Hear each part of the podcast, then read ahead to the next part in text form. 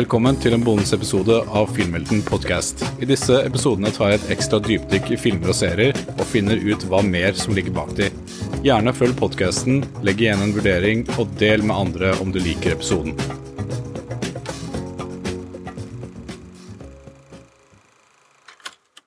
Ja, velkommen til en uh, ny bonusepisode av Filmhelten podcast. Dette er jo andre bonusepisode på denne podcasten, og uh, jeg har lyst til å lage mange, mange flere etter hvert.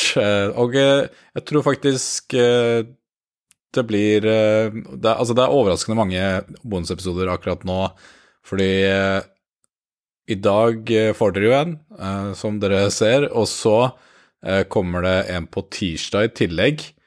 Og eh, jeg har litt lyst til å gjøre litt eh, bonusepisoder i desember, fordi det er jo mye å prate om, fordi det er så mange julefilmer og juletradisjoner osv. som det er gøy å liksom ta et lite sånn tilbakeblikk på. Kanskje man kan ta en liten sånn derre Jeg vet ikke. dypdykk i en eller annen klassisk julefilm og snakke litt om noen av de derre Kanskje Tre nøtter til Askepott og sånne norske juleklassikere også. Det hadde vært eh, litt gøy. Um, men uansett, så uh, velkommen tilbake til en ny bonusepisode. Jeg uh, hadde egentlig tenkt til å ha denne anmeldelsen av uh, Godzilla minus one i forrige episode, altså forrige hovedepisode, som kom ut i går. og det ble egentlig ikke så mye plass til det, altså, fordi jeg har ikke lyst til at dere skal liksom bare høre på meg prate i over en time. Det hadde blitt litt for mye. Uh, og det hadde blitt mye liksom prating for min del også. Um, så forrige episode ble liksom nesten en time, og det var deres pop Nei, ikke populære meninger, men upopulære meninger. og ja, da ble det litt lengre snakk, rett og slett. Så da tenkte jeg at det var greit med litt sånn ekstra content, eh, og eh, legge dette her ut som en, eh, en bonusepisode, da. Så det blir sikkert sånn eh, noen ganger når det kommer til eh, nye filmer og serier, at jeg tar heller og snakker om de, fokuserer på de i en egen bonusepisode. Um, og dere må gjerne gi meg tilbakemelding på hvordan det er for dere. Er det, er det nyttig for dere, liksom? Det, det er sikkert greit å på en måte skille ut um, filmer og serier fra, um, fra i hovedepisodene, da. Så. Uansett, Godzilla minus one. Uh, jeg hadde egentlig ingen uh, forventninger til denne filmen. Eller uh, hadde liksom litt forventninger, fordi rett før jeg kjøpte billett, så var det litt sånn derre Det var mange anmeldelser som kom ut før filmen hadde premiere i i Norge, eller Danmark, som, eh, hvor jeg bor. Og eh, da, da føk liksom forventningene mine til skyene, ass, fordi jeg har ikke sett så mange gode tilbakemeldinger på en sånn type film eh, på en stund, og det er alltid gøy når det kommer til sånne derre underdogs, da, som bare plutselig Litt sånn som The Creator, eh, som hadde litt Hadde nok litt større budsjett enn Godzilla minus one, men The Creator var også en sånn derre lite budsjett, eh, kom litt sånn derre uforventa, uh, litt fra ingen steder, og eh, overraska ganske mange, selv om The Creator Jeg hadde en episode om det hvor jeg snakka om The Creator. Den var helt ok, men det var veldig imponerende når det kom til uh, effekter, worldbuilding og bare sånn Måten Gareth Edwards klarte å lage en sånn type film på åtte millioner dollar budsjett, tror jeg. Um, så jeg liker sånne type filmer uh, som bare plutselig kommer. En annen overras overraskelse som uh, kom i år, var faktisk um, Dungeons and Dragons. Um, det er også en uh, gøyal overraskelse for meg. Jeg, har ingen forhold til den franchisen der, og jeg dro fortsatt på kino og så den, og det var veldig, veldig gøy. god komedie, god fantasy. så Anbefaler å sjekke ut den også, og The Creator. Men uansett, eh, vi skal snakke om Godzilla Minus One, og den går også under en av disse overraskelsene. Så rett før jeg kjøpte billett, så hadde jeg litt, bitte litt forventninger. Eh, men før det så så var det liksom ja, jeg visste jo ikke om denne filmen her i det hele tatt, og jeg tror ikke mange gjorde det. Den bare Plutselig droppa det en trailer på Twitter, husker jeg, og så var det mange som bare Oi, shit, dette ser dritbra ut, liksom. Denne japanske filmen, hvor kom den fra, liksom? Og det er sikkert Altså, det har sikkert vært en uh, i Japan eller Asia at det har vært en stor snakkes der, kanskje. Uh, men for meg, i hvert fall, så har det ikke Jeg hadde null anelse om denne filmen på forhånd. Og da jeg dro på kino, så hadde jeg det utrolig gøy. Altså, aldri Det er så lenge siden jeg har vært på en sånn type film. Det er jo en Altså, med tanke på lavt budsjett, 15 millioner dollar i budsjett, som er veldig lavt for en Godzilla-film å være. Og eh, under liksom denne sjangeren i tillegg så er, ble jeg overrasket over at hvor mye god underholdning og en eh, samtidig liksom en berg-og-dal-bane av følelser eh, denne filmen ga oss. Uh, og det er, det, er, det er, overraskende med tanke på at det er en Godzilla-film. Nå har jeg ikke sett så mange Godzilla-filmer uh, før. Det er jo sånn over 30 Godzilla-filmer eller noe sånt. Så jeg vet ikke når denne franchisen starta, men det er en gammel, gammel franchise, og det har, pågått i så så mange år. Men de siste to ukene har jeg sett alle i filmserien som starta i 2014 fra Hollywood. Uh, filmserien kalles eh, Monsterverse og inneholder to solo Godzilla-filmer, én solo King Kong-film og en hvor disse monstrene møtes som det skulle vært liksom Batman versus Superman. Uh, denne filmen jeg snakker om i dag, altså Godzilla minus one, er ikke knytta til disse filmene i det hele tatt. Og de Monsterverse-filmene har noen underholdende actionscener, men overall så synes jeg de er veldig kjedelige. Fordi jeg kunne virkelig ikke brydd meg mindre om menneskene som er med i dem. Og eh, for nesten hver film så er det liksom forskjellige karakterer, og i tillegg er det ikke Altså, monstrene er ikke særlig skremmende heller. Uh, og så har jeg egentlig Altså, det er, det er bare meg. Uh, det, det gjelder ikke Altså, det er mange, det er mange uh, fans av denne Godzilla-franchisen, så jeg No disrespect mot franchisen i det hele tatt. Men jeg personlig klarer liksom ikke å knytte meg til en, en et monster. da. Um, og det hadde sikkert hjulpet for meg å på en måte se noen av filmene.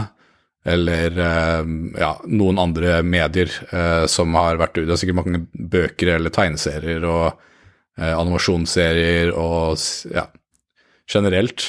Og jeg har bare ikke vært den derre typen som Jeg tror ikke jeg kommer på en eneste liksom franchise når det, når, det, kun handler om et sånn derre Når det er sentrert rundt et monster, da hvor jeg har klart å knytte meg sånn Dette gleder jeg meg til, på en måte. Men denne filmen her endra det helt, uh, fordi det er liksom Denne Godzillaen og liksom blandet med det, der, det menneskelige temaene de hadde her, det gjorde, det gjorde noe med meg, altså, helt ærlig. Så, så jeg, jeg, tror jeg har blitt sånn fan av uh, denne franchisen. Uh, og det kom nylig en sånn derre Godzilla Godzilla, en Kong, et eller annet Jeg husker ikke hva den het. Det kommer en oppfølger til uh, Godzilla versus uh, Kong uh, i neste år, tror jeg. Og den traileren er så jeg, Helt ærlig, altså det ser jo gøy ut, men jeg er ikke så hyped, altså. De har liksom bygget opp disse filmene som det skulle vært Marvel-filmer, og plutselig har Godzilla og King Kong blitt Avengers av monstre, liksom. Men poenget mitt er at denne filmen, Godzilla minus one, er det motsatte av dette. Her får vi faktisk en monsterfilm som er skummel, og du føler faktisk for karakterene som er med i filmen.